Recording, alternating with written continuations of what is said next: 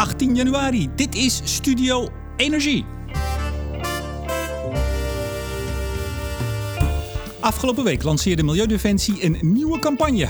Na de overwinning op Shell eist de organisatie nu dat 29 andere bedrijven ook op korte termijn een plan inleveren waarmee hun uitstoot tot 2030 fors daalt.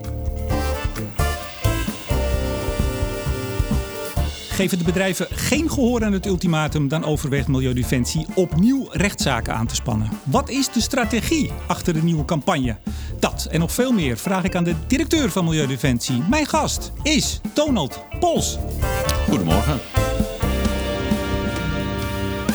Ja, dat was dus te vroeg, meneer Pols. We zaten nog midden in de tune, maar dat geeft niet. Ik zeg nog even, voordat we echt beginnen. Deze uitzending wordt mede mogelijk gemaakt door inmiddels al 286 vrienden van de show. Waaronder Eneco, Neptune Energy, Team Energie van Ploem Advocaat en Notarissen, Netbeheerder Stedin en Koninklijke Femway.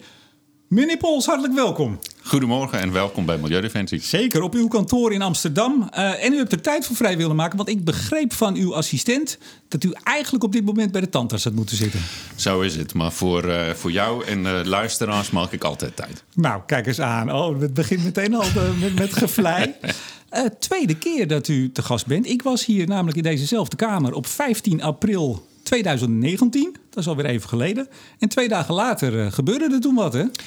Klopt, toen lanceerden wij de, de Shell-zaak, ja. Ja, de, ik geloof dat toen de, de, de, de aanklacht werd ingediend. Of was dat toen al... Wacht even hoor, dat heb ik altijd... Uh, 5 april was de dagvaarding ingediend. Uh, en toen, ja, toen stonden ze voor de rechter, hè? Klopt. Toen moesten ze reageren. Klopt, ja. Nou, en uh, we zijn inmiddels een paar jaar verder. En groot succes was uw deel. U en uw medewerkers en alle mede-eisers. En alle mede-eisers, ook de, de andere organisaties meegedaan hebben. En eerlijk gezegd, uh, uh, het succes is een succes voor heel de wereld. Iedereen die uh, last zal hebben van gevaarlijke klimaatverandering, die heeft baat bij de overwinning op Shell. Nou, u bent een nieuwe campagne hebt een nieuwe campagne gelanceerd vorige week. Daar gaan we het natuurlijk uitgebreid over hebben. En ik zei het al, wat is de strategie? Want u wil dat ze snel reduceren, maar daar zit vast een groter idee achter. Klopt, klopt. Zeker. Overigens ook fijn dat uw advocaat geen bezwaar heeft gemaakt voor dit interview. Ja, dat was natuurlijk bij een van de vorige uh, gesprekken. Het ging niet door om die reden. Uh, en dit keer uh, trekken we de regie iets meer naar Wie weet wat hierna gaat gebeuren. Je weet het niet. Ik zal toch even voor de luisteraars, want zeker die op social media hebben dit wel meegekregen. Um, u zei op een gegeven moment: Ik wil met Shell in debat, in gesprek eigenlijk. Want u bent eigenlijk nooit met ze in gesprek geweest, heb ik begrepen. Hè? Want u zei vaak op social media, zoals het hashtag geloof ik zelfs, van hè, kom, kom nou in gesprek, publiekelijk. En toen zei Shell op een gegeven moment: Nou, is goed. En toen zei ik, nou, dat wil ik wel faciliteren. En toen heeft die afspraak toch een aantal maanden bijna in de planning gestaan. En vlak daarvoor ging uw advocaat ja, ervoor liggen. Die zei, ja, toch niet verstandig, Donald. Ja, dat is een van mijn baalmomenten van, uh, van mijn tijd bij, uh, bij Milieudefensie. Uh, ik vind inderdaad, maatschappelijk debat en een democratie is de kern van, van hoe wij dingen voor elkaar krijgen als samenleving. Uh, en ik ga graag met mensen debat, onder andere nu uh, vandaag met jou. Uh, of een gesprek. Gesprek, precies. Tuurlijk. precies. Um, en inderdaad, er was de mogelijkheid om met Marian van Loon in gesprek te gaan. Achter de schermen spreken we elkaar wel wat vaker hoor. En soms op min of meer besloten bijeenkomsten of niet. maar dat was een, een publieke debat ja. met, met Shell. En dat was heel kort voor de rechtszaak. En toen zei onze advocaat, weet je, dit is, zit zo dicht op de, de rechtszaak. Hier kan van alles gebeuren dat, uh, dat in ieder geval de rechtszaak zelf wat, wat moeilijker zou maken. Ja, beter niet. Ja. Het was een beetje kort voordat we het. Uh... Precies, precies. Ik zat al bijna in de auto die kant op, maar goed. Maar ja, u hebt meteen, vervelend. dat moet ik er ook bij zeggen, u hebt meteen mij een appje gestuurd met excuses en dat was zeer ruiterlijk. Dus... Volgens mij zelfs aan publiek op Twitter op een gegeven moment. Ook nog. Ja. Dus laten we dat vergeten. We zitten hier nu. Um, ik las, uh, nou, u was uh, niet man van het jaar, maar wel bijna. Ik zag u in alle specials van de kranten zo'n beetje wel langskomen met afscheidsinterviews. En die in trouw zei u: ehm, wij konden de zaak eigenlijk niet verliezen. De Shell-zaak. Want ook al hadden we verloren, hadden we toch gewonnen. Kunt u dat toelichten? Ja, ten eerste, om eigenlijk om twee redenen. Ten eerste hadden we zoveel geloof in de inhoud van, van onze zaak. Uh, wij legden aan de rechter voor. Er zijn eigenlijk twee opties of de grootste vervuilers, te beginnen bij Shell, die verantwoordelijk is voor ongeveer 9 tot 10 keer zoveel uitstoot als heel Nederland bij elkaar. Of die doen mee aan het realiseren van uh, de klimaatdoelen. Of uh, wij gaan de klimaatdoelen van Parijs niet halen. En als je dat, dat zo aan de rechter voorlegt, is eigenlijk maar één uh, uitkomst mogelijk. En het tweede is onze algemene strategie van het maatschappelijk debat voeren. Het u zegt het beïnvloeden van de publieke opinie. Dat is precies. eigenlijk uw dat is de, core business. Dat is de core business van Milieudefensie. Wij zeggen uh, intern in onze strategiestukken... het creëren en zichtbaar maken van maatschappelijk draagvlak... voor ambitieus klimaatbeleid. Dat is in ons, in ons interne jargon. En dat betekent dat het maatschappelijk debat voeren...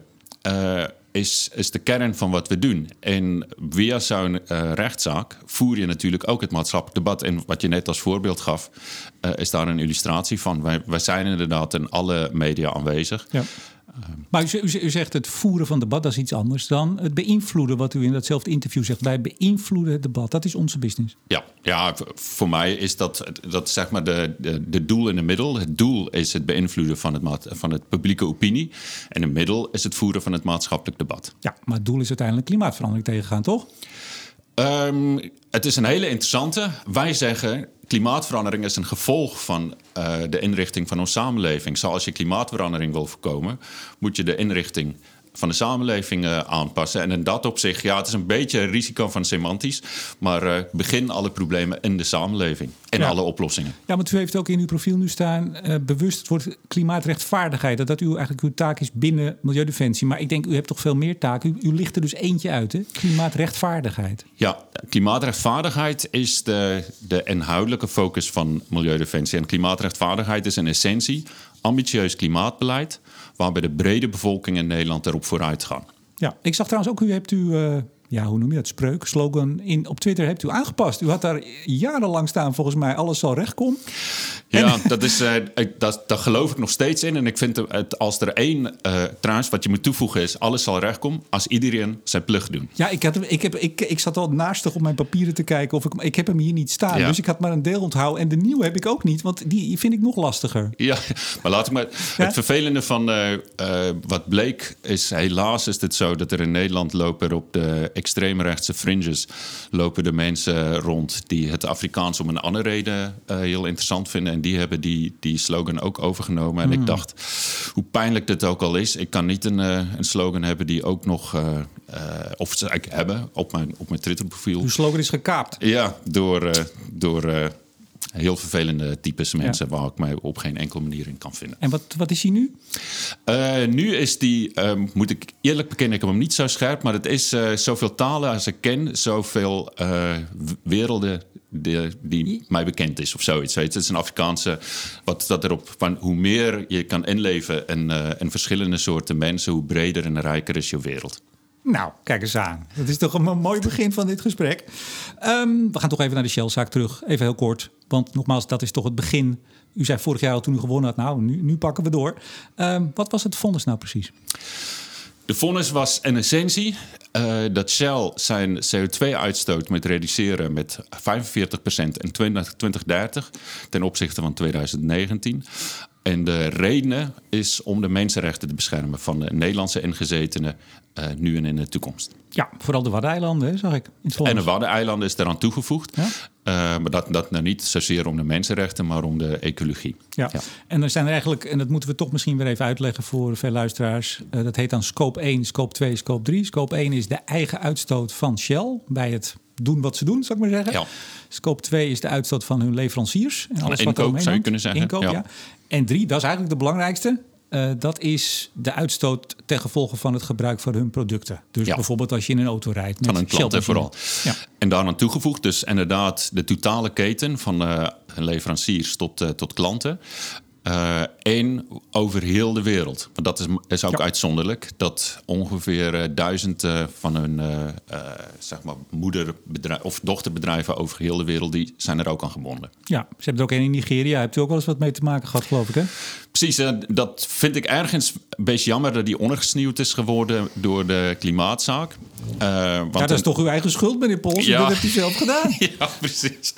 Ja, dat mag maar... U bedoelt het vonnis is ondergesneeuwd in de Nigeria-zaak? precies. Omdat in Nigeria is op een, op een andere, op een veel persoonlijkere manier uh, minimaal even impactrijk. En dat gaat over de vervuiling van Shell van de Niger Eh, heel specifiek van de vier uh, mede-eisers en hun uh, gemeenschappen. Die ja.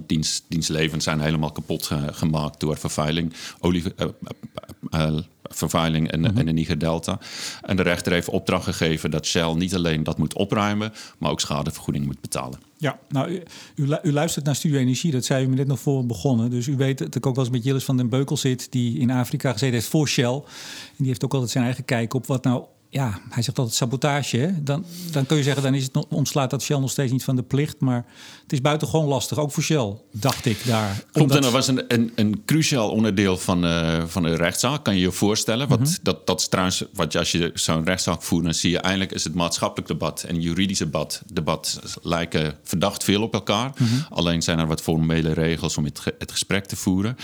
Uh, en dat bracht Shell, Shell in dat, uh, dat het sabotage was. Maar terecht zei de rechter: um, uh, je hebt ook een verantwoordelijkheid om sabotage te voorkomen. Ook hier in, uh, als je in Nederland en in Groningen gaat rondrijden, en trouwens in Rotterdam waar er olie en gas gewonnen worden, dan heb je de verantwoordelijkheid om te zorgen dat mensen niet zo bij je installaties kan komen. Ja, zeker. Nou, we gaan hier allemaal niet te diep op in wil ik voorstellen. Want we kunnen over al deze onderdelen bijna een aparte... Prachtige baan heb ik toch, hè? Dat, eh, nou, ik, ik, las dat u toen u hier werkte eh, begin deze eeuw, gewoon als uh, keurige, wat was u toen? Projectleider, denk ik. Of toen, toen had u al gezegd, nou, ik zou hier wel eens de eindbaas willen worden. En dat bent u geworden. Ik kan me het niet herinneren. Ik ga het ook niet ontkennen. Volgens mij staat het in uw cv op de site. Ja, het, het, het zou best waar kunnen zijn. Uh, ik vond Milieudefensie inderdaad... Ik begon ooit eens als vrijwilliger. Uh, bij Milieudefensie. En, en, de reden was dat ik Milieudefensie zo'n prachtig club uh, vond om, waar wij mee begonnen. Ik, ik geloof echt in het maatschappelijk debat als middel om uh, maatschappelijke verandering te realiseren. En als vereniging is dit de core business van Milieudefensie om het maatschappelijk debat te voeren. Dus ik dacht, weet je, als ik ergens moet zijn in Nederland met een drive om het milieu te verbeteren, dan moet het wel ja. milieudefensie zijn. Ik ga niet flauw doen de hele tijd, maar de core business is het beïnvloeden ervan. Maar ja. het is hetzelfde dus. Het voeren is doel en middel. Beïnvloeden. Um, even, want wat wel belangrijk is voor het fonds, want daar was ook heel veel kritiek op. Hè? Nou ja, dat is logisch, want het was best een shock. Ik denk niet alleen voor Shell, maar ook voor heel veel andere bedrijven en heel veel. Nou ja, iedereen. Ja. Uh, veel kritiek. Maar een, een punt, en dat bracht uh, Margriet Kuiper. Uh, die zag de aankondiging van dit gesprek. U kent Margriet Kuiper? Ja, U weet wat heel ze goed. Doet? Ja, zij een drukwekkend dame met Zeker. Hele goede ideeën. Ja, ze werkt aan de Carbon Takeback Obligation. Hè? Dat als fossiele bedrijven iets uit de grond halen, ze ook ja. uh, verplicht worden om. Vernieuwend en uh, interessant idee. Zeker. Ja. Maar zij vroeg eigenlijk, en laten we die meteen maar even pakken, want dat geldt ook voor de 29 bedrijven die u eigenlijk vorige week donderdag hebt uh, aangesproken, zal ik het netjes zeggen. Ze zegt, waarom uh, eiste u bij de rechter, en hebt u er ook gelijk in gekregen, 45% redactie in 2030 ten opzichte van 2019, terwijl het IPCC rekent. Of althans, ja, ze rekenen zoveel, maar eigenlijk de lijn daar is ten opzichte van 2010. Dat maakt namelijk wel verschil. Ja. Om mee te beginnen gaat het er ons om dat wij als samenleving en dus de bedrijven en hun verantwoordelijkheid onder de anderhalf graden uh, temperatuurstijging blijven. En dan kan je, uh, dan wordt het technisch, dan ga je kijken naar, de, uh, de doelstellingen en de eikpunten. En wij hebben gekozen voor 2019 in de Shell, in de Shell klimaatzaak, omdat dat aansloot bij de interne uh, documentatie en procedures van, van Shell. En wij vonden dat ons eis zo realistisch en uitvoerbaar mogelijk moet zijn om dat voor de rechter acceptabel te maken. En dan is aansluiten bij, bij de reeds bestaande procedures en doelstellingen van Shell. Um, maar voor die 29 bedrijven, nu doet u dat weer. Terwijl, doen we weer. En wat wij zeggen is. Uh, maar, en, en, ik vind het heel belangrijk om de stap ook altijd terug te maken. Het gaat ons om uh, onder de anderhalf graden doelstelling blijven. Dat is uiteindelijk waar we de plannen van de bedrijven aan uh, toetsen. Ja, maar, Zoals maar, op een andere manier inzichtelijk kan maken dat ze aan die anderhalf graden blijven, is dat prima. Maar, maar wij zeggen ja? dat de, de uitspraak van de rechter, die moet vertaald worden uh, enerzijds een beleid van de overheid en mm. anderzijds een uh, uh, beleid van de bedrijven. Ja. En dan, daarom houden we de doelstelling zoals afgesproken of uitgesproken door de rechter aan. Ja, maar, maar de vraag is dus: IPC, SR 15 noem ik het maar. Ik geloof SR Special Report 1.5. Ja, is 2010, klopt. Ja die zeggen 2010 en dat is dan voor die anderhalve graad. Want als het ja. 2 graden zou zijn, well below of below, dan zou het maar 25% reductie hoeven. Ik zeg het maar even met aanhalingstekens ja. in de lucht, zien de, zien de luisteraars niet. Dan hoeft het maar 25 zijn. Maar nogmaals, dus even die vraag: IPCC met al hun paden hè, en die schetst hoe komen we daar nou bij die onder de 2, CQ onder de anderhalf. die zeggen ten opzichte van 210. Nog, nog één keer de vraag, waarom dan toch eigenlijk scherper dan dat? Uh, om mee te beginnen is de vraag of het scherper is. Hè? Want als je CO2-uitstoot is gestegen, dan is het makkelijker om te reduceren vanuit 2019. In het, in het Westen, zeg ik dan maar even, in Nederland is het scherper omdat wij op een pad naar beneden zitten. Het, dit is gericht op specifieke bedrijven. Dus het zal mhm. verschillen van bedrijf tot bedrijf. Maar in principe heb je, heb je, uh, zou je gelijk kunnen hebben. Uh, en dus weer eens, het gaat ons om de anderhalf graden. Als jij als bedrijf kan aangeven dat je op een andere manier aan de anderhalf graden voldoet, dan is dat prima. Maar, um, nee, maar meneer sorry dat ik u onderbreek, maar even. De, die anderhalf graden, een bedrijf kan natuurlijk nooit. daar gaat het nou juist om. Hè? In Parijs is afgesproken, we gaan als wereld proberen well below 2 degrees. En hoe staat het er ook alweer? Het is die bekende uitspraak. Ik pak hem er even bij hoor. Uh, pursuing efforts. Hè? Ja. ja, ik vertaalde maar met proberen om het niet meer dan anderhalf te laten zijn. Ja. Dat, een bedrijf doet het niet eens eentje, een land doet het niet eens eentje, moet je allemaal doen. En dan volgens vertaalt u en probeert u te helpen met dit soort acties, campagnes, rechtszaken en weet ik veel. ja, nee, dat is toch zo? Hè? Ja, zeker. Probeert u die bedrijven... Wij zijn nu het publieke debat aan het voeren met elkaar. Ja. En als luisteraars. Ja. ja. Um, maar dus is, wil het niet zo zeggen, want dat was eigenlijk een volgende vraag van Margriet. En dan stop ik met, want er waren meer vragen binnengekomen. Maar dat was een goede. Waarom moet ieder bedrijf dan die 45% doen? Want ja, zoals wij in Europa bijvoorbeeld onze bijdrage doen als Nederland aan een totaalreductie, zoals de EU in het Parijsakkoord zit hoeft het niet te betekenen dat ieder bedrijf naar 45 moet. De een kan misschien naar 50, de ander naar 40. Maar u eist ook nu dat al die bedrijven hetzelfde doen. Waarom is dat? Um, wat je ziet is om twee redenen. Ten eerste is die min 45% is door de IPCC eh, benoemd. Eén bevestigd door de Glasgow Climate Pact. Zou er mhm. een ondergrens door de wereldgemeenschap uh, benoemd, door alle landen in de wereld die de uh, Glasgow Climate Pact, mhm. de, de, de, COP26, heeft uh, onderschreven. Zo, dat is een ondergrens. Dat is een maatschappelijke norm die is gesteld door de mondiale samenleving. Ja, maar de wereld en moet het dus halen. De wereld moet het halen. Ja, klopt. Maar dat is, nou, dat is de ondergrens. Zo, om daar te komen uh, zullen sommigen meer moeten doen en sommigen iets minder dan meer. Uh, zijn sommigen, bijvoorbeeld uh, de Europese Commissie, die zegt wij gaan min 55. Nederland zegt wij gaan min 60. Zo, je kan zeker meer doen, maar dat is de ondergrens. En dat is het tweede punt. Mm -hmm. En de Urgenda-uitspraak heeft de rechter eigenlijk hetzelfde methodiek gevolgd. Die heeft gezegd van er is een mondiale ondergrens afgesproken. En dat vinden wij dat grote uitstoters, die moeten in ieder geval die ondergrens uh, realiseren. Maar, en het laatste van het Shell-fonds zou ik willen voorstellen, um, is dat er. Zij zit eigenlijk in olie en gas. En uh, als je kijkt naar de, het IEA-scenario, anderhalve graden, het Internationaal Energieagentschap, die zegt, nou ja, voor olie en gas hoef je maar naar de 23 en de 8% geloof ik voor gas. Het gaat vooral voor kolen moet je veel meer. Hè? Dat, ja. Dus ook daar zie je dat er een soort gemiddelde is genomen. Ik bedoel, ik persoonlijk snap het wel vanuit uw standpunt. Eén, je vraagt altijd even net even meer dan het, uh, toch? Je, je gaat nee, proberen de scherper in is dat de, de, en de wereldgemeenschap en de Nederlandse rechter... die hanteren methodiek van er is een ondergrens... waar iedereen zich minimaal aan moet houden. En je mag meer dan dat, dat doen. En dat van een wereldwijd opererende partij, dat is Shell, maar dat geldt ook voor die 29 uh, eh, bedrijven, uh, mag je verwachten dat zij ook zich minimaal aan de ondergrens uh, ja. houden. Nou, en de, de, de kern van, de, van eigenlijk de belangrijkste kritiek was: ja, als Shell het niet doet, een ander wel. Hè? Dan stappen die wel in. En dat is door de rechter ook van tafel geveegd. Hè? Die heeft daar geen rekening mee gehouden. Um, de rechter zei weer eens al eindelijk twee dingen. Ten eerste is die theorie, die blijkt een, uh, feitelijk en, uh, en literatuur niet te kloppen. Uh, zou als, een, als een substantieel grote partij stopt, dan heeft het wel daadwerkelijk impact op de totale markt.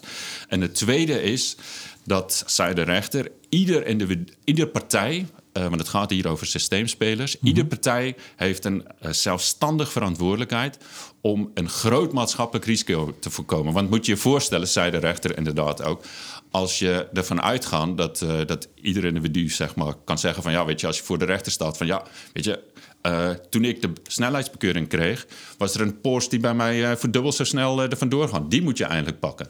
Ja, dan valt eigenlijk de hele basis onder de rechter uit. En daarom is uh, voor individuen, maar dus ook in de Shell-zaak, heeft iedereen, ook Shell, een zelfstandig verantwoordelijkheid. Het is, wel, grappig dat u dat zegt, want ik heb wel, ik rijd dus geen auto, maar af en toe heb ik zo'n green wheels als ik ergens moeilijk kan komen. En ik heb wel eens gehad bij Schiphol eh, waar je op een gegeven moment nog maar 100 mocht, en dat mag overal maar, dat echt iedereen veel harder rijdt. En dan wordt het best wel eng met zo'n klein rood autootje om 100 te gaan rijden. En ik ben ook wel eens echt harder gaan rijden daardoor, omdat ik gewoon links en rechts. Ja, nou ja, dat is heel ik herkenbaar. Zit ook precies hetzelfde type autootje. Ja. Nee, maar dus kan het soms. Maar goed, dit is een, een, Ja. een vergelijking die eh, Maar dat is een hele goede maar- voorbeeld ehm, van in het algemeen. We komen straks op de vervuiler eh, betaald.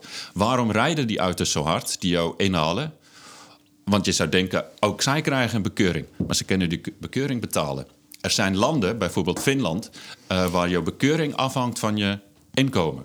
En dat is veel effectiever. Ja, en, en reizen daar ook minder hard? Want dan moeten we de cijfers, die cijfers er ook bij ja, pakken. dat zou interessant zijn om oh, die dat cijfers- ken, die kent u niet. die ken ik inderdaad niet. Maar ik vond het in ieder geval... Het is interessant om te zien dat je een eh, beleidssysteem kan ontwikkelen... die rekening houdt met de mogelijkheid om te betalen. Ja, maar even, Shell heeft eh, september vorig jaar eh, aangekondigd of be- bekendgemaakt dat ze voor 9,5 miljard hun schaliegas of schalieolietak in, in, in Amerika verkochten. Dat was totaal 6% van de totale olie- en gaswinning van Shell. Hè? 9,5 miljard eh voor gevangen. Vindt u geloof ik ook iets van wat ze met het geld hebben gedaan. Maar dat, dat laten we even zitten. Maar u zei net van ja, eh, de, de rechter gaat erin mee dat het wel effect heeft als bedrijven stoppen. Maar in dit geval is dat gekocht door een ander bedrijf en die produceren vrolijk verder. Dus in hoeverre heeft dit. Hè? Dus Shell kan zeggen: Nou, mooi 6% eraf. U bent blij, Ja. denk ik? Of niet? Ik ben blij als zij uitvoering geven aan een rechtelijke uitspraak. Nee, maar ga, en ga- als dit ga in- bijdragen, dan ben ik er eh, per implicatie dus ook blij mee. Ja, maar ga even in op het punt dat, dat u zei van Ja, nou, maar dat heeft wel degelijk effect. Zeker. Maar in dit geval, en dat zien we natuurlijk helaas vaker, dat er ook zelfs soms partijen dit soort dingen overnemen die wat minder netjes werken. Want ik hoop dat u met me eens bent, in het olie- en gaswereldje staat Shell red- redelijk goed bekend als het gaat om bijvoorbeeld methaan, lekkages. Althans, je kan het ook zeggen, anderen zijn slechter. Ik bedoel, hoe u wil. Maar als een andere partij die misschien wat minder eh, zorgvuldig is, dat overneemt, eh, kan je zelfs een negatief effect hebben dat het slechter wordt. Ja, kijk, en goed gereguleerde landen zoals eh, de VS maakt het eigenlijk niet zoveel uit precies wie dat doen voor, voor de, de maatschappelijk verantwoord ontwikkelen van, van, van olie en andere bedrijfsactiviteiten. Ehm, maar dat is maar één klein onderdeel van, van Shell's activiteiten. Shell is erom bekend eh, dat hij moeilijk ontginbare olie eh, doet. Olie die eh, bijna door niemand anders gedaan kan worden. Weet je, ik was zelf bij een Shell-installatie in de Sachalin. Dat is een eiland aan de oostkust van, van Rusland. Dat kan bijna alleen Shell doet, doen. Hun ontwikkeling in, in de Arctische gebieden kan ook bijna alleen, alleen Shell doen. Als die uitstapt, dan kan, er kan eigenlijk niemand anders instappen. Is dat nou echt zo? Want er zijn, er zijn als je andere die, partijen die- hoor. Als je die ziet. Het is niet voor niets dat, eh, dat Shell de ontwikkeling in Sachalin eh, deed. Maar de Russen gaven toen aan van wij kunnen dat niet. Zou, dan nodigen we. Misschien dat ze het nu een beetje kunnen. Ze kunnen in ieder geval het overnemen wat Shell eh, heeft gedaan. Maar het is om, om bijvoorbeeld olie in de Arctische gebieden te, te ontwikkelen. Dat vergt een, een competentie waar je u tegen zegt. En daarom zeggen wij ook. Als Shell nu dus overstap naar duurzaam eh, maakt, dan kan zij juist dat, dat kennis en kunde die zo specifiek is aan, aan Shell, die kunnen ze inzetten om moeilijk ontwikkelbare, hernieuwbare projecten te doen. Bijvoorbeeld zoals zonne-energie in de Sahara. Ja. Nou, volgens mij hebben ze, wat was het, 10 december hebben ze een brief aan het kabinet gestuurd en gepubliceerd. waarin ze nog even alles op een rijtje zetten wat ze in Nederland doen. Ze wilden natuurlijk een beetje laten zien van we vertrekken niet, we blijven wel. Ja.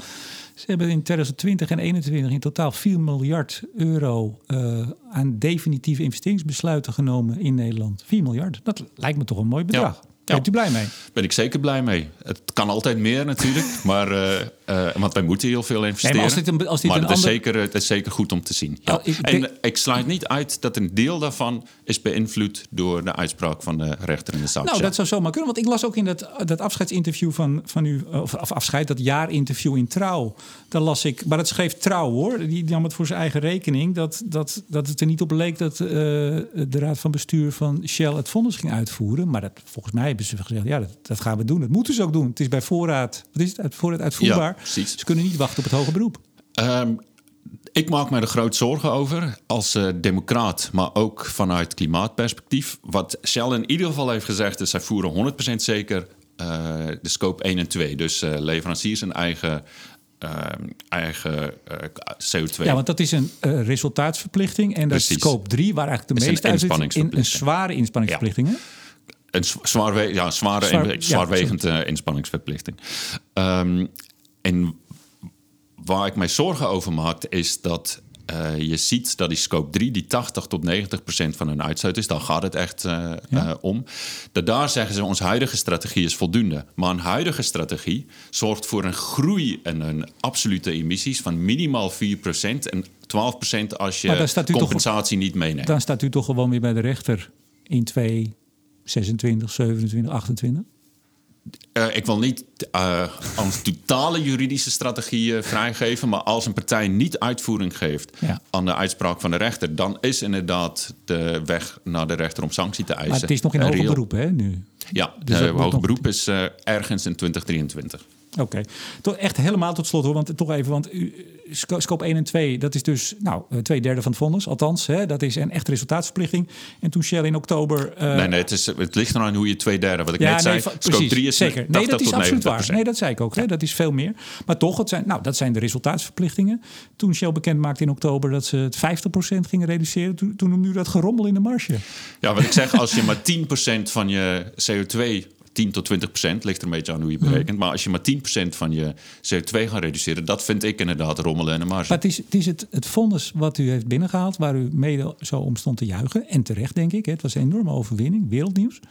Dank u wel. Toch, ja, nee, dat, nou, ik heb u daar ook wel uh, achter de schermen mee gefeliciteerd. Het is een enorme prestatie. Uh, ik zou bijna zeggen, aan, sommige kanten van het debat kunnen ze uw bloed wel drinken inmiddels. Maar ook die zullen moeten toegeven dat dit een waanzinnige overwinning is. Zoals de Urgenda-zaak ook een baanbrekende zaak was. Maar dat terzijde. Nee, maar het is toch wel. Ja, ik vond het wel opvallend dat als ze dan zeggen, nou oké, dat doen we. Die 50% zelfs, hè, u had 45%. Uh, dat u dat dan gerommel in de marge. Ja, dat met is, wat, uh, wat ik net aangaf, uh, waarom ik het gerommel in de marge. Het feit is dat ze uitvoering geeft aan een uitspraak die relevant is voor 10% van hun CO2-uitstoot. En de andere 90%, daar zeggen ze onze huidige strategie is voldoende. Nou ja, wat je ook al kan zeggen over hun ambitie en de rechtelijke uitspraak. In, wat een zwaarwegend inspanningsverplichting is. Dat is in ieder geval niet je houden aan het bestaande strategie. Je moet wel een verandering invoeren. En dat hebben ze niet gedaan. En meer nog, de berekeningen laten zien dat hun CO2 stijgen, in scope 3, met tussen 4 en 12 procent. Maar u, zou misschien ook, en nu stappen we over naar de 29 andere, u zou ze misschien een klein beetje tijd kunnen geven. Hè? Want het, het, het, is pas van nou, dik half jaar geleden. Uh, ze zijn ermee bezig, kan ik u ook melden. Uh, dus, dus er wordt echt wel aan gewerkt. Maar goed, laten we dit zien. 29, afgelopen donderdag. Uh, was u ook donderdag bij Ahold? Want u ging er bij Ahold de les Ik ging uh, naar Ahold, ja. Ja, ja dus snel, snel, zijn alle foto's snel op de website gezet. Want ik dacht, hé, hey, het lijkt wel of die eerder opgenomen is, die, of gemaakt, die foto. Die, die is bij Ahold gemaakt. Wij die voeren die campagne samen, samen met ons jongerenafdeling, Jongeren Milieuactief. Zeker. En ik was daar met de voorzitter van, uh, van Jongeren Milieuactief. Ja, nou, deze brief verandert alles. Ik heb zelfs nog even een, een pagina grote advertentie in, in dit geval het Financiële Dagblad. Had u alle kranten uh, genomen? Nee, alleen het Financieel Dagblad. Wij gaan ervan uit dat uh, ons doelgroep... Daar eh, beïnvloedt u het debat het meest natuurlijk, ja. Precies. De meeste, meeste van, die, uh, van, de, van de mensen die werken bij de 29 bedrijven lezen... waarschijnlijk het Financieel Dagblad. Ja. Ik ben altijd heel, heel, heel Hollands. Dat heb ik u wel eens meer gezegd. Wat kost het nou, zo'n advertentie? Pagina groot? Zo, nou vraag je me wat. Orde grootte. Ik, weet jij het? Nee, ik, heb, ik weet het niet, eerlijk Pols, gezegd. Meneer Pols kijkt even naar de woordvoerder die uh, aan mijn ja. linkerzijde zit. Uh, nou ja, goed, dat, dat weet Kijk, ik. ik steek het niet door stoelen op banken. Dat zal, wat, dat zal zeker een stevig bedrag zijn. Maar wat het is, dat, dat durf ik niet. Op die niveau, uh, op die uh, detail ja. hou ik me niet Nee, ik was gewoon, ja. ik, dit is geen opmaat naar uw budget en subsidies en zo. Dat, hebben, dat laten we even zitten. Nou, deze brief verandert alles. Uh, geachte CEO. En het ging dus naar uh, 29 uh, bedrijven. En Shell staat er ook bij, want u noemt ze, moet ik even goed kijken. Dit zijn de 30 grote vervuilers waarvoor, waarvan de klimaatplannen worden beoordeeld. En worden beoordeeld is dan door u. Althans, u huurt daar een club voor in. Ja. Maar kunt u even kort samenvatten? We gaan niet de hele brief doen. Wat is de. Ja, ik zei het, ik noem het toch een eis. Het is een eis, een ultimatum. Want als ze er niet aan voldoen ja, voor 15 Formeel april, is het een, een pleidooi of een verzoek. um, Echt waar? Maar, maar, er zitten inderdaad wel consequenties aan... waardoor de verzoek wel een, een, een mate van hardheid uh, krijgt. Op uw, maar, site, wacht op uw site staat... het is de hoogste tijd dat de grote vervuilers met een klimaatplan komen... want ze maken de wereld ziek. Dus ik bedoel, dit is. U ga, ja, dat is gaat natuurlijk ook gewoon waar. Ja, natuurlijk. Ja, nou ja, nee, ja. maar het is, het is gewoon een eis en een ultimatum. Ja, ja. ja. Um, Kunnen we toch gewoon zeggen. Maar uh, wat ik zeg van. Uh, dit is een verzoek met consequenties. Ja. Ja, en dan zegt u, nou ja, eh, de anderhalve graden natuurlijk, anders doe ik hem even. Maar dat vind ik toch wel interessant hoor. Maar u, bent- u bent daar niet in, eh, alleen in eh, als Milieudefensie. U schrijft ook het, eh, de anderhalve graden, beperkt tot anderhalve graden moet het worden op aarde. En dat volgt onder meer uit het VN-klimaatverdrag. Bedoelt u dan die uit 92? Rio? Het- nee, het dat, eh, dat, gaat, dat is Parijs Klimaatakkoord. Ja. Nee, u, u, u schrijft in uw brief, dit volgt onder meer uit, uit het VN-klimaatverdrag en het klimaatakkoord van Parijs. Ja, kijk, die, die ehm, UNFCCC, dus de, de, de moederafspraak. Dat is uit 92, Hij is uit Rio. 92. En daar wordt algemene eh, principes geformuleerd. En dat is dat je moet zorgen dat de CO2 zo laag is dat eh, leven op aarde niet bedreigd wordt. Ja, maar, maar in Parijs staat nou ju- juist, het staat niet anderhalve graden. Hè? Jawel, anderhalf graden tot twee graden. Ja. Ja, maar dus twee, ja, ik zou bijna zeggen mag ook. Maar hè, het is dus well below en, en proberen om die anderhalf Ja. te, halen. En eh, in staat niet, Glasgow. er staat niet maximaal Ja, en in Glasgow is die, dat is dus de, de Ja. klimaatakkoord die eh, in november vorig jaar is getekend. Daar worden anderhalf graden herbevestigd en alleen maar anderhalf graden. En die min 45 procent wordt daar Hm. eh, met name en toename genoemd door de wereldgemeenschap. Want het was ook zo in Parijs. Eigenlijk was het die anderhalf had het al moeten zijn. Maar als compromis is daar, of althans hè, als onderhandelingsresultaat werd het well below two. Precies. En eindelijk zie je dat de wereldgemeenschap nu een stap voorwaarts zet en ambitie. Ja, u zegt nou, wij verwachten antwoord van u. Dat staat er ook, wij verwachten uw antwoord eh, met een klimaatplan dus. Ja, eh, voor 15 april. Doen ze, dan gaat u dat laten doorrekenen ehm, door de New Climate Institute, het New Climate Institute. Eh, het gerenommeerde bureau, zegt u. Volgens mij zijn ze dat ook. zijn ze zeker. Ja. Ehm, en we verwachten ook dat uw plan klimaatrechtvaardig is. Toen dacht ik, nou kijk, 45% ten opzichte van 2019, dat is redelijk objectief vast te stellen. ja. Klimaatrechtvaardig, dat lijkt me nogal een uitdaging om dat vast te stellen. Klopt, en het is ehm, eh, de focus van ons verzoek is gericht op die anderhalf graden. Eh, maar we attenderen eh, de bedrijven erop dat eh, zij de kosten van hun klimaatbeleid niet moeten afwentelen, vooral op ontwikkelingslanden. En dan denk je over zaken zoals ehm, eh, biomassa. Biomassa, het, het winnen van biomassa kan gepaard gaan met enorme negatieve gevolgen voor mensen en de landen waar die biomassa vandaan gehaald worden. Of het winnen van edelmetalen die je nodig hebt voor eh, bijvoorbeeld zonnepanelen en windmolens. Dat kan ook een beetje een eh, kobaltwinning en, en, eh, de DRC in Afrika. Die wordt in sommige gevallen gewonnen door, door kinderen. En daarmee proberen we met die toevoeging proberen we aan te geven... let nou ook op de gevolgen voor de rest van de wereld. Niet rukzichtloos het anderhalf graden realiseren. Nou, u schrijft niet, let nou op. U zegt wij verwachten, en dat schrijft u ook bij de anderhalve graad, wij verwachten, dat staat eigenlijk Ja. willen, dat het re- rechtvaardig. Maar ik, wat ik eigenlijk bedoel te zeggen Ja, is dat- dat, uw, opvatting, uw opvatting over wat rechtvaardig is, is misschien heel anders dan van heel veel andere mensen. En van mij, zoals we hier met z'n drie aan tafel zitten. Precies, en daarom gaan we er ook niet eh, in detail op in. Die anderhalf graden is inderdaad plus die eh, min 45. Daar zijn wij keihard in. Hè? Dat is dan heel duidelijk wat er, wat er staat. En klimaatrechtvaardigheid, dat geeft wat meer ruimte. En eh, hoe ik het heb opgeschreven, is eigenlijk een compliment aan, ehm, aan de CEO's van die bedrijven. Ik zeg, ik verwacht dat jullie daarmee rekening zouden. Ik verwacht het ook echt. De MVO-beleid van de meeste van die bedrijven... is op het gebied van mensenrechten relatief goed ontwikkeld.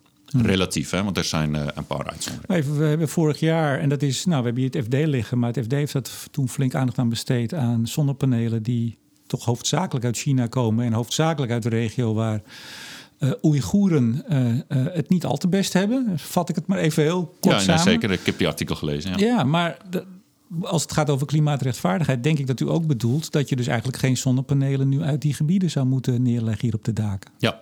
Behalve als je kan aangeven, want het kan natuurlijk best dat er een fabriek staat waar Oeigoeren en andere Chinezen op een eh, normaal eh, menselijke manier wordt behandeld. Als je dat kan aangeven, dan, eh, dan heb je voldaan aan die, Ja.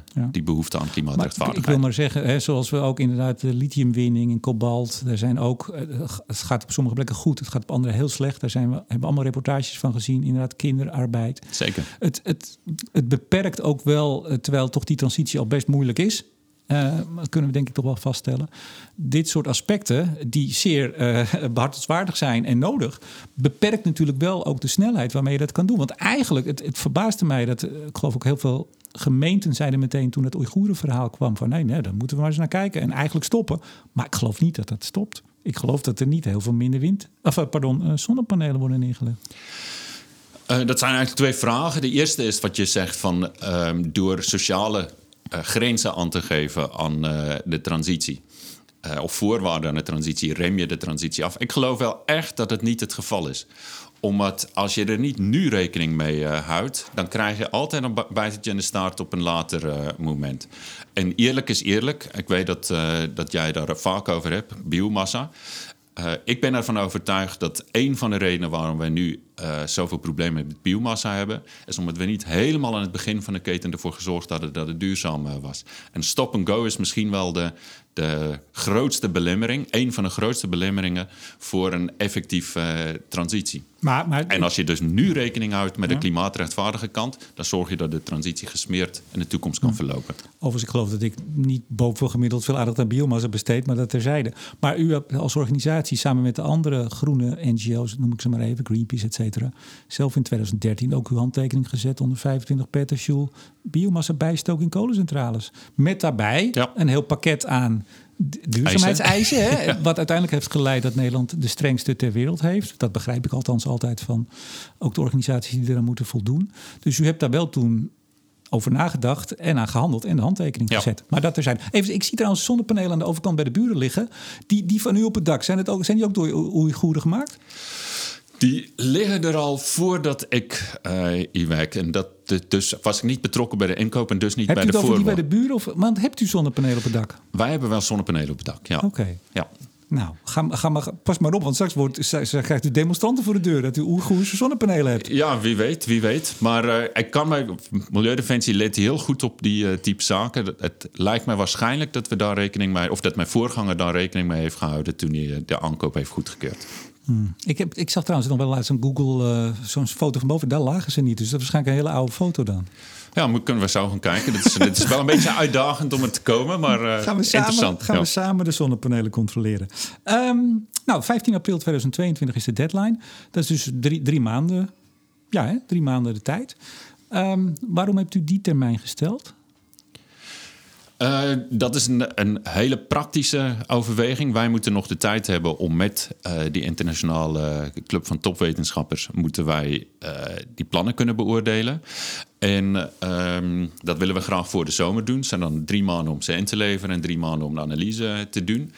Uh, en vergeet niet, uh, iedereen die wij aangeschreven hebben, die is ervan bewust dat wij in 1992, dat is meer dan 30 jaar geleden, of ongeveer 30 jaar geleden, uh, het eerste internationale klimaatakkoord getekend hebben, de UNFCCC. Mm -hmm.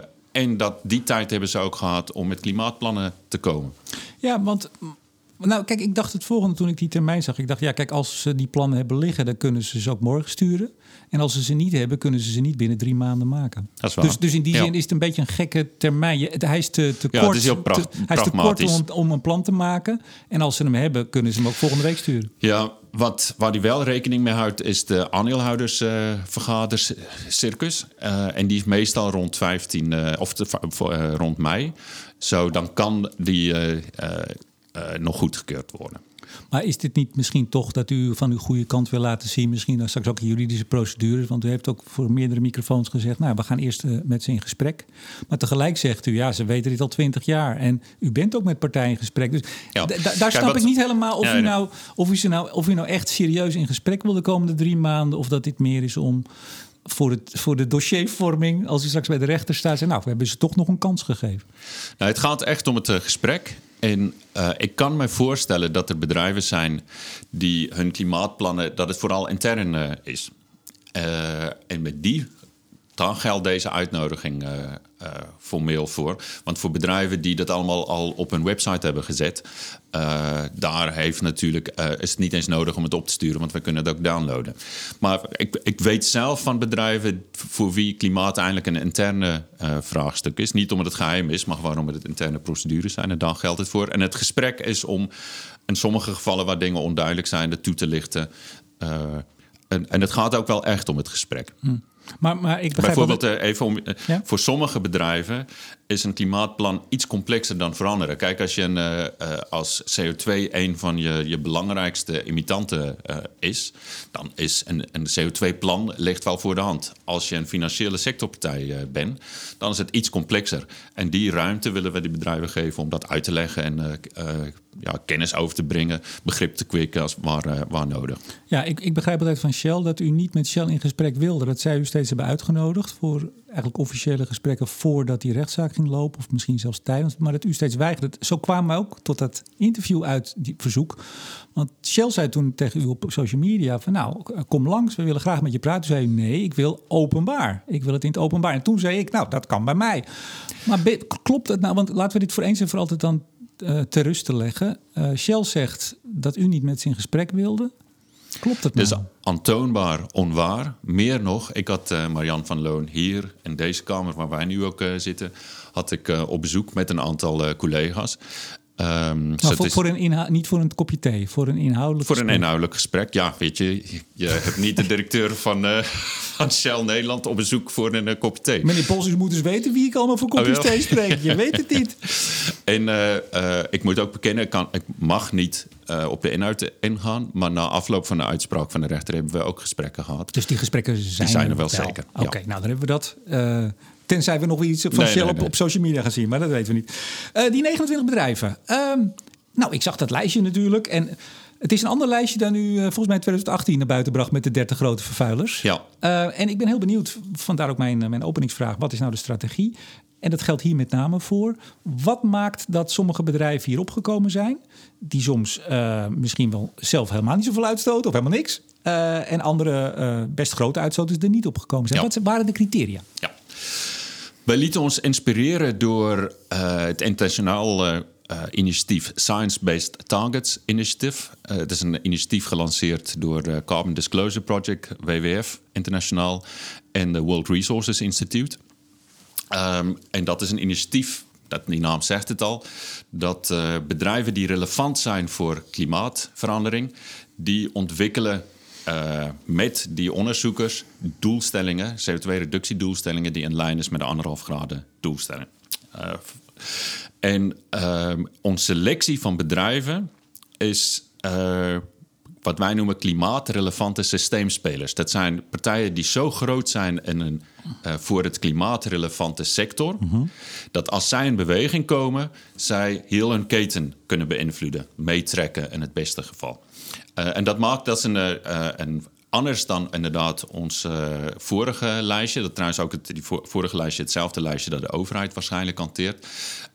Dat is van de Nederlandse emissieautoriteit. Het verschil is, wij richten ons op de CO2-uitstoot in de wereld, de totale keten. bij het selectie van de 29 bedrijven, trouwens de 30, want dat geldt ook voor Shell. En de overheid in het vorige lijstje richt zich alleen op de CO2-uitstoot binnen Nederland. En waarom maken we die onderscheid? De uitstoot van Nederland is gewoon te klein. Wij denken dat moet, wil je klimaatverandering voorkomen, en dat is wat wij willen, dan moet je je richten op waar je echt het verschil kan maken. En dat is de totale uitstoot van een, eh, van een bedrijf. En dat zijn deze 29 Meneer Pols, u zit in een veel te klein land met uw organisatie. U moet veel groter. U moet, u moet in, eh, ja, waar moet u dan zitten? Ik denk dat wij zitten in Nederland prima. Eh, U moet in Beijing, zit- Beijing moet u zitten. Ja. Heb ik geprobeerd, hè? Ja. Ja. is dat zo? Ja, ik zat in eh, Beijing. Een, eh, een anderhalf jaar heb ik eh, in, eh, in China gewerkt voor het WWF. eh was Ja, precies. programmadirecteur. Nee, ja. voor het uh, Het is trouwens ook een hele mooi gesprek, maar ik denk dat eh, voor een andere Ach, keer. ik, ik kom gewoon iedere week bij u langs. Ja. Eh, nee. Ik vind het wel gezellig. Ja, hoor. ik vind het ook heel gezellig. Ehm je moet wel een beetje op de tijd letten. Dat roep ik altijd, maar dat zeg ik vooral tegen mezelf. Er, sta, er staan veel financiële instellingen op. Want kijk, ik, ik zei net al, u staat de 30 grote vervuilers. Maar er zitten ook organisaties bij die helemaal geen CO2 uitstoten. Ja. Dus begrijp ik dan goed dat nu de strategie is van... nou, u had altijd gewoon letterlijk het lijstje... ik heb hem hier ook hè, van de emissieautoriteit... ik heb de tonnetjes Ja. er even achter gezet, de megatonnen... Ehm, dat nu dus bedrijven die zelf niet uitstoten... maar ja, ik zou maar zeggen faciliterend zijn... Ja. nou, laten we er eentje bijpakken. Vopak, ja. die noemt u als een van de grote vervuilers. Dat is een eh, tankopslagbedrijf. Volgens mij de grootste ter wereld. Waarschijnlijk, Rotterdam. Waarschijnlijk Precies, staat hij systeemspeler dus. daarom eh, op. Ehm, kent u iets van de historie van Vopak?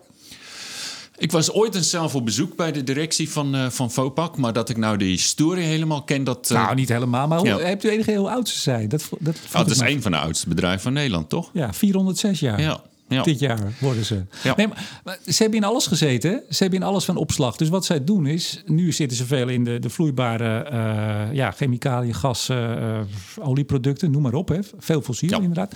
Zijn bezig, nog heel voorzichtig. Veel te voorzichtig natuurlijk voor u. Om ook natuurlijk de overslag te, of overstap te maken naar bijvoorbeeld straks waterstof of ammoniak. Als dat hè, vloeibaar goed is op te slaan. Uiteraard, ammoniak. Ehm, ik, ik zou zeggen, als ik, ik heb die historie, moet eens kijken op hun website. Dan begint het dus eh, eh, meer dan dat is- 400 jaar ja. geleden. En dan kunt, prachtig, u, kunt u zich Ja, voorstellen wat voor ja. plaatjes daarbij staan. Maar dat is een organisatie die altijd heeft eh, opgeslagen. Ja. Spulletjes opslaan voor anderen. Toch noemt u dit een van de 30 grote vervuilers die, nou, als de sodemieter aan de bak moeten. Kijk, Milieudefensie zegt... iedereen heeft een verantwoordelijkheid om gevaarlijke klimaatverandering te voorkomen. Ook en vooral die eh, grote bedrijven. En Als je dan over FOPAC heeft, eh, de manier waarop zij de faciliteiten die zij aanbieden, eh, heeft een invloed op de transitie. Het opslaan van olie is een totaal andere tak van sport dan het opslaan van waterstof bijvoorbeeld.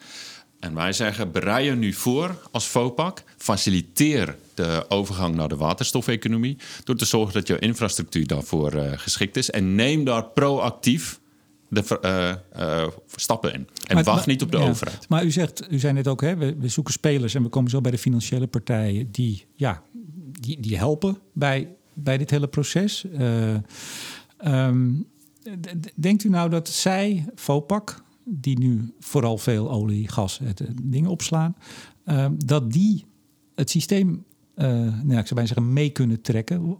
Want dan kom je weer op hetzelfde eh, argument wat Shell natuurlijk inbracht Ja. en wat de rechter heeft weggeveegd. Van ja, als wij het niet doen, dat spul moet toch ergens opgeslagen worden. Dus wordt het gebruik van olie en gas minder als FOPAC minder tanks zou neerzetten? Eh, het verbruik van waterstof neemt vooral toe als zij eh, tanks geschikt voor dat- waterstof. Ja, ik denk het wel echt. Kijk, je zou, als je dat een, een, op een iets andere manier zou uitdrukken, dan zou je zeggen: de selectie van de bedrijven volgen de flessenhalstheorie. Dat betekent dat er in de eh, mondiale keten zijn er bedrijven die eh, waar alle andere bedrijven, de hele, alle andere ketens doorheen eh, moeten gaan. Om bij de consument te komen. Dus van producent naar consument gaat het door een flessenhals. En die flessenhalsbedrijven, systeemspelers noemen wij ze, die hebben wij geselecteerd. En flessenhalsbedrijven kunnen wel daadwerkelijk een invloed uitoefenen op de totale keten door daar voorwaarden aan te stellen. maar bijvoorbeeld en inderdaad, in sommige gevallen te zeggen van dit gaan we niet meer, eh, dit bouwen we af. Ik heb gesprekken gehad met eh, ehm, eh, de Amsterdamse haven. Die aangeeft eigenlijk precies hetzelfde wat jij net zegt. Van, weet je, wij, wij, wij faciliteren het alleen maar. Maar wij hebben wel de keuze gemaakt dat wij kolen afbouwen en duurzaam opbouwen. En wij stellen voorwaarden aan de contractpartijen dat als zij niet die overstap willen maken, dan heeft dat consequenties voor eh, eh, hun, hun plaats in, in Amsterdam en de Amsterdamse haven. En, en wat dan uiteindelijk de bedoeling is, maar ik vul nu een beetje uw eigen eh, strategie in. De bedoeling is dan, dat gebeurt dus eerst in de rijke westerse ontwikkelde landen waar we ons dat kunnen veroorloven, zeg ik maar even. In de hoop en in de bedoeling dat dat uiteindelijk in China en in Rusland Ja. en in het Midden-Oosten eenzelfde beweging op gang brengt. Klopt. Want dat is natuurlijk het verwijt wat u veel wordt gemaakt. En ook de rechter inmiddels, door sommige eh, eh, tegenstanders, zeg ik het maar even. Die zeggen, ja, maar jongens, dit blijft gevuld worden, dit gat. En dan gaat het door de, de nationale olie- en gasbedrijven... die niks te maken hebben met dit soort eh, regelgeving... die niks te maken hebben met aandeelhouders. Klopt het als ik zeg dat u hoopt dat het eerst dus in het westen gebeurt... en dan zo langzaam het hele bouwwerk omver wordt getrokken? Precies. Mijn woorden. Ik, wij zeggen Nederland, westerse landen, maar wij zitten nu in Nederland. eh, die kennis en kunde die wij hier hebben, kunnen wij toepassen om klimaatoplossingen te ontwikkelen die dan in de rest van de wereld uitgerold en opgeschaald kan worden. En misschien is het beste voorbeeld daarvan zonnepanelen in Duitsland. De, als je die historie van zonnepanelen eh, erbij haalt, dan weet je dat in, in Duitsland is eigenlijk de meeste eh, patenten aangevraagd aan het begin van het hele traject op zonnepanelen. Onder, andere gefinancierd, zwaar gesubsidieerd door de Duitse overheid. En die zonnepanelen zijn toen, uh, de productie daarvan is verplaatst naar, uh, naar China. En nu hebben wij zonnepanelen die in sommige plekken op de wereld al kan concurreren met fossiele energie. Datzelfde traject, dat wil je eigenlijk met alle duurzame technologieën doorlopen. En daar heb je de kapitaalkrachtige, kenniskrachtige landen zoals Nederland bij nodig. Ja, die komen dus wel nu waarschijnlijk hoofdzakelijk van Oeigoeren. Uh, niet alle zonnepanelen worden op één plek nee, nee, nee, maar, nee, maar wat ik bedoel. Hè? Dus, ja, dus, ja. Kijk, ik, ik, heb zelf in China gewerkt, zo ik weet... Uh, ik, ik, was toevallig niet in, in, in een land van de Oeigoeren. maar ik heb wel gezien hoe die zonnepanelen gemaakt worden. En ik kan je vertellen dat los van de mensenrechten daar nog genoeg op aan te merken was over hoe dat geproduceerd wordt in, in, in China. In die tijd heb ik overigens een afspraak gemaakt tussen WWF en Inli, toen een van de grote zonnepaneelproducenten, mm -hmm. om inderdaad hun zonnepanelen op een klimaatrechtvaardige manier te produceren. Ja. Dat was de eerste in de wereld op dat moment. We stappen even naar de financiële, want die, die wegen zwaar in dit lijstje. Hè? Uh, ABN AMRO, ING, Rabobank, de pensioenfondsen, ABP, uh, Pensioenfonds Zorg en Welzijn, de Nationale Nederlanden Groep, Atradius, dat is een grote kredietverzekeraar. Ja, exportkrediet, ja. Exportkrediet, zeker. Uh, nou, we komen ook nog voeding, maar we gaan ze niet allemaal doornemen. Ja. Hè? Maar u, u, pakt ook, nou, Ahold, dat was u zelf. Betekent dat ook dat die hoger staan dan anderen als het gaat over misschien een rechtszaak aan de broek? Wij hebben partijen geselecteerd op een klimaatrelevantie. En nee, niet ik bedoel het feit dat u daar was voor de stoel. Nee, nee, dat heeft er niks mee te maken. Want die foto's gaan mooi het archief in. Dan kunt u die bij de rechtszaak laten mooi gebruiken natuurlijk. Ja, maar dat zou pure toeval okay. zijn. Hey, um, even Rabobank. Wel leuk meegenomen als het zo zou zijn. Maar uh, ja. Nou, ik wil ja, er niet op vooruit. Uh, nee, ja. natuurlijk niet. U houdt de kaarten tegen de borst. Maar um, nou, tegen de borst, oktober vorig jaar in het FD was een groot stuk over... dat u toch wel echt heel duidelijk op de Rabobank mikt. Klopte dat stuk? Um, wij, de Rabobank is historisch al een, uh, een partij met wie Milieudefensie veel gesprekken uh, heeft gevoerd. Vooral omdat zij natuurlijk een enorme financier is van, uh, van de landbouw- en voedselproductie. um, en uit de beoordeling van de eerlijke geldwijzer komt inderdaad naar buiten dat, dat Rabobank het niet zo goed doen. Uh, of Rabobank het woord, ja, dat kan ik niet van tevoren beoordelen. Want dat gaan ja. wij voorleggen aan een internationale groep uh, klimaatwetenschappers. Ik krijg net een briefje onder de neus dat u om 12 uur weg moet. Dat betekent dat we nog zes minuten hebben. Dus als u denkt, als de luisteraars denken... wat gaat de boer ineens ontzettend er doorheen uh, rausen... dan is dat de reden. Dank voor de, de heads-up. Ja, je, ook, je, je, hoeft niet meteen abrupt te staan. Nee, maar we gaan even wat sneller. Even, pensioenfonds zit er ook bij. Nou, ABP die is, uh, die is wel uit Shell gestapt. Ja. Ik dacht, nou, die, die zijn top bezig. Die, die bouwen al hun olie- en gasinvesteringen af. Hebben ze ja. vorig jaar aangekondigd. En toch staan ze op de lijst van de grote vervuilers. En toch hebben ze de brief gekregen met de eis en het ultimatum. Ja. Waarom? Wat ik zeg is, wij hebben de bedrijven geselecteerd op een klimaatrelevantie, op de, de flessenhals. Nee, dat, laten we nou de herhalingen weglaten. We hebben niet zoveel tijd en meer. Daarom, Waarom toch ABP? En ABP is uh, uh, een van de grootste pensioenfondsen in de wereld. En als zij het goed doen, dan vinden we het prima. Uh, dan zijn we enorm blij mee. En dan krijgen ze ook de terechte gelukwensen van ons en uh, complimenten maar ze hebben publiekelijk. Ja, maar, Als, uh, wij, wij, weten nog niet wat hun plan is. U Die gaan ze, nog... u gelooft ze niet? Ik zeg niet dat we het niet geloven. We weten het gewoon niet. Wij moeten het nog Maar ze analyseren. hebben publiekelijk ten overstaan van de hele wereld gezegd... wij stoppen met ons, geloof 15 miljard... die zijn investeringen in olie en gas hebben. Overigens maar een klein deel van hun 584 miljard, geloof ik. Maar denkt Kijk, u wat, dan wat dat Milieudefensie gaat mag, doen mag, mag is- ik even, meneer Pols? Ja. De- denkt u dan dat ze dat gewoon maar gezegd hebben... en het niet gaan doen? Ik weet het niet. Wij gaan het beoordelen. En, en eh, klimaatverandering, eh, trouwens, en, en alles waar het gaat om eh, zaken doen in het bedrijfsleven, moet je mensen niet te snel op hun blauwe ogen geloven. Zeker. Dat, nou, dat, dat zijn we eens. Dat, dat Ja, kunnen we en wat. Milieudefensie nu doet, is echt revolutionair in de wereld. Voor het eerst dat een maatschappelijke organisatie op deze schaal de klimaatplannen van bedrijven door een externe gerenommeerde pa- partij gaan laten doorrekenen. Rondom die tijden, zelfs voor het ABP uitstapte, zag ik ook wat opiniestukken eh, over dat het eigenlijk beter is om wel kritisch, te- kritisch in fossiel te blijven dan eruit te stappen. Eh, Chris Dauma, misschien kent u hem, voormalig PvdA Tweede Kamerlid, was directeur van het VN Principles for Responsible Investment. Die zegt echt, het is beter om erin te blijven zitten en kritisch te blijven. ABP zegt, nou dat hebben we gedaan, maar dat lukt ons niet. Hoewel ze een paar weken daarvoor zeiden, we blijven er wel in zitten. Dus dat is daar snel veranderd. Maar ook uh, Jacques Kracht van uh, finance docent, universitair docent Tilburg. Die zegt, er is, zegt hij, hè, ik zeg hem na... Er is wel bewijs, wetenschappelijk bewijs, dat het beter is, dat het meer rendeert, zou ik bijna zeggen, klimaattechnisch, om erin te blijven zitten. Ja, dat is de zogenaamde engagement-theorie. Uh, dat het beter is om met partijen in gesprek te gaan om zo hun uh, duurzaamheid te beïnvloeden. Mm -hmm. Ik vind dat uh, ABP eigenlijk een veel slimmere keuze heeft gemaakt. Die zegt je moet kijken naar de vraag en de aanbod. De aanbod is olie. Daar zeggen ze, daar moeten we gewoon van af als samenleving. We moeten gewoon af van fossiel. En daar is eigenlijk geen engagement bij nodig. Zo als, als pensioenfonds stappen ze er ook gewoon uit.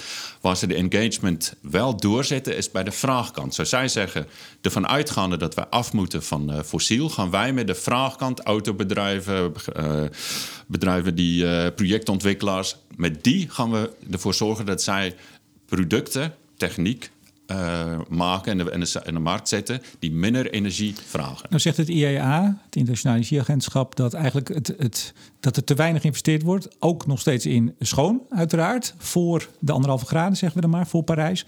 Maar eigenlijk het enige wat op, op niveau zit voor de anderhalve graden is dat er te weinig, zegt het IEA, in fossiel wordt geïnvesteerd op dit moment. En dat heeft dus al effect. Westerse partijen, eh, pensioenfondsen, andere, de, de roep van beleggers en aandeelhouders is er om eruit te stappen.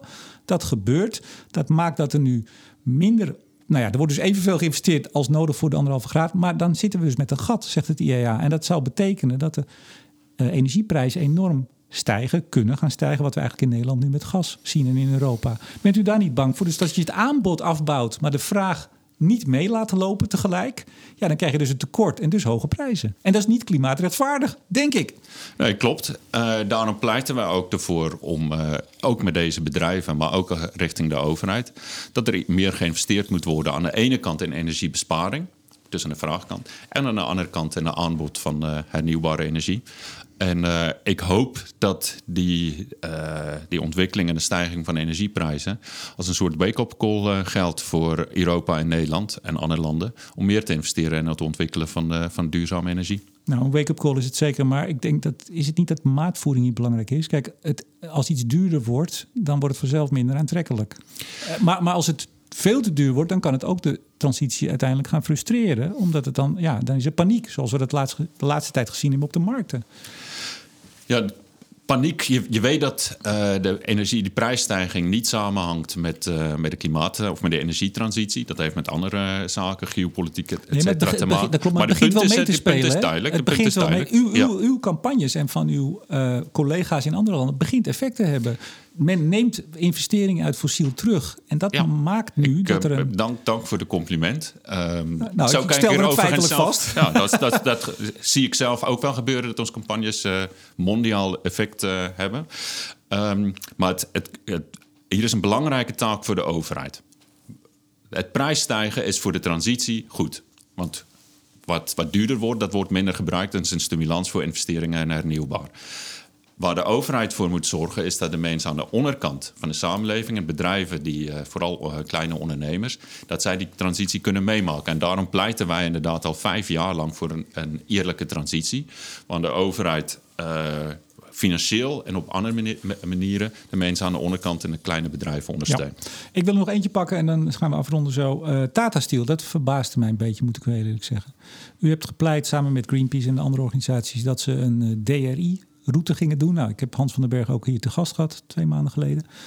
Uh, dat hebben ze gedaan. U was ook zeer complimenteus. U zei ook in trouw uh, dat u echt... Uh, hij heeft zijn rug recht gehouden. Hij kreeg een wortelvol van de overheid... maar hij koos voor een echt werkelijk duurzame koers. hij heeft grote indruk op u gemaakt. Zeker, ja. in, in, uw eigen doorrekening van het plan wat ze nu hebben aangenomen... is het meer dan 45% reductie in 2030. Naar de 7 megaton, dus 55% meer. En toch op de lijst grote vervuilers die een ultimatum krijgen. Ja. Waarom? Ze zijn natuurlijk feitelijk, en dat zegt Hans van den Berg zelf ook, ze zijn gewoon feitelijk een grote vervuiler. Meer nog de grootste vervuiler van Nederland, volgens de emissieautoriteit. Um, en wij hebben bedrijven geselecteerd op basis van hun klimaatrelevantie. Niet of zij een goed of slecht uh, plan hebben. Straks komt daar de. Maar wacht, wacht even, niet dat ze een goed of slecht. Het gaat toch juist om dat ze een een goed Dat plan hebben. En dat hebben ze. Het is eigenlijk uw plan mede door de FNV en de va- vakbond. En u, u, u hebt mede dat plan eigenlijk, nou niet geschreven misschien, maar wel eraan meegewerkt. Dat accepteren ze, dat hebben ze door laten rekenen. Ik, ik, ik heb er een podcast over gemaakt. En dan zegt u, ja, maar we kijken eigenlijk niet naar wat voor plan ze hebben. De selectie van de bedrijven is op basis van hun klimaatrelevantie, niet op basis van hun plan. De doorrekening is van hun plan. Ik ga ervan uit dat straks uit de doorrekening komt dat Tata inderdaad een, een plan heeft die beantwoordt aan de anderhalf graden doelstelling die internationaal is afgesproken. En dan krijgt Tata, en ik hoop heel veel andere bedrijven, eh, de complimenten en de publieke eh, goedkeuring van Milieudefensie. Maar hier had dan toch, want u heeft veel meer bedrijven op het oog. Hier had toch dan een ander kunnen staan. Want dit gaat wel goed, zou je dan bijna kunnen zeggen. Eh, u had een lijst van 60 namen. U- 60 dossiers bent u gaan aanmaken vorig jaar. Dat was de longlist, dit is de shortlist. Ja, precies. Nee, du- du- dus u, bent, u hebt er of geen vertrouwen in, of... Ja, kijk, u bent van de, van de beïnvloeding van het debat. En het heeft ook hier gewerkt, want vorige week heeft eh, Johan Vollebroek van MOB... Hè, nou, die eh, is nu, eh, be- begint de juridische strijd voor de hele sluiting van Tata. Dus uw effect, nou, u hebt weer effect, namelijk Tata Steel, grote vuil, de grootste van Nederland... hebt u jarenlang ook gezegd, dat is ook zo qua uitstoot. Nu hebben ze het plan, eigenlijk uw plan, omarmd. Dat is doorgerekend, dat gaan ze uitvoeren. Ik heb er nog wel wat twijfel of het lukt, maar ze zijn van, u bent zeer onder de indruk. En toch krijgen ze deze brief met ultimatum. En eh, nou, ik zou bij zeggen, een collega in de milieubeweging, Vollebroek, die pakt door. En die zegt, nee, sluiten. Dat, Ja, dat- over, dat- is dat over- nou- Johan, eh, die gaat over zichzelf. Die moet je misschien ook een keer uitnodigen voor een gesprek. Weer eens, wij hebben die, die lijst is een selectie van de meest klimaatrelevante bedrijven voor Nederland en de wereld. In, in Nederland. De plannen gaan we nog beoordelen. Uit de plannen zou kunnen komen, en ik heb er veel vertrouwen in dat het bij Tata ook eh, zo zal zijn, dat zij een anderhalf eh, graden conforme doel heeft. En dan krijgen ze de complimenten van ons, en terecht complimenten. Als ze daar nog niet dicht zijn. Tja, dat is natuurlijk de andere kant. Ja, eh, s- slotvraag. U zei vorig jaar al een keer dat, eh, dat u ook onderzoekt of er eh, bestuursleden eh, voor de rechter worden gedaagd. eh, voor het gedrag wat ze hebben vertoond. eh, aansprakelijk gesteld kunnen worden voor klimaatschade door een bedrijf. Is dat de volgende stap na deze actie? En eh, dit jaar, 2022, hebben wij ehm, vrijgemaakt om een, een constructieve gesprek met bedrijven te hebben. Wij gaan ervan uit dat, van, dat wij geen enkele rechtszaak hoeven te voeren, omdat alle bedrijven. Nee, maar dat is de vraag niet. ja, even, even de vraag. Nee, we hebben geen tijd meer. Even, wat is, gaat u personen... U hebt al een keer... En- ik heb het u... En de vorm van de rechtszaak, dat moeten we nog uitzoeken aan het eind van eh, dit jaar. En dat zou inderdaad bestuursaansprakelijkheid kunnen zijn. Ja, nee, want ik- u twitterde het al een keer vorig jaar. Maar Jan van Loon zou voor de rechter moeten staan. Dus u wilt, u wilt daarop doorpakken. Vraag. Als dat de meest effectieve manier is om eh, bedrijven in beweging te krijgen. Ehm, het is namelijk feitelijk zo, dat is, eh, of feitelijk, dat is in ieder geval wat on- onze inschatting. Dat met de uitspraak en de zaak Shell is eh, de noodzaak om klimaatactie te ondernemen, is onderdeel van het eh, publieke domein geworden. Dat betekent juridisch dat bestuurders daar ook een verantwoordelijkheid in hebben als ze, zich, als ze niet die noodzakelijke actie ondernemen. En daar zouden wij eh, stappen op kunnen ondernemen. Er wordt druk gegesticuleerd. U moet heel snel weg. Ik zeg Donald Pos, hartelijk dank voor het gesprek. Was heel fijn, dank u wel. En uiteraard bedank ik ook jullie, beste luisteraars. En uiteraard, ja, u mag gaan hoor. U moet, u moet heel snel weg. En uiteraard alle vrienden van de show, waaronder Eneco, Neptune Energy, Team Energie van Ploem Advocaten Notarissen, Netbeheerder Stedin en Koninklijke FemB. Luister je nog graag naar Studio Energie? Wil je vriend worden? Ja, dat kan meneer, eh, meneer Pols. Voor 3,50 per maand, waar hebben we het over? Ga dan naar vriendvandeshow.nl, zoek even naar Studio Energie en het wijst zich vanzelf. Tot zover. Mijn naam is Remco de Boer. Graag tot volgende week.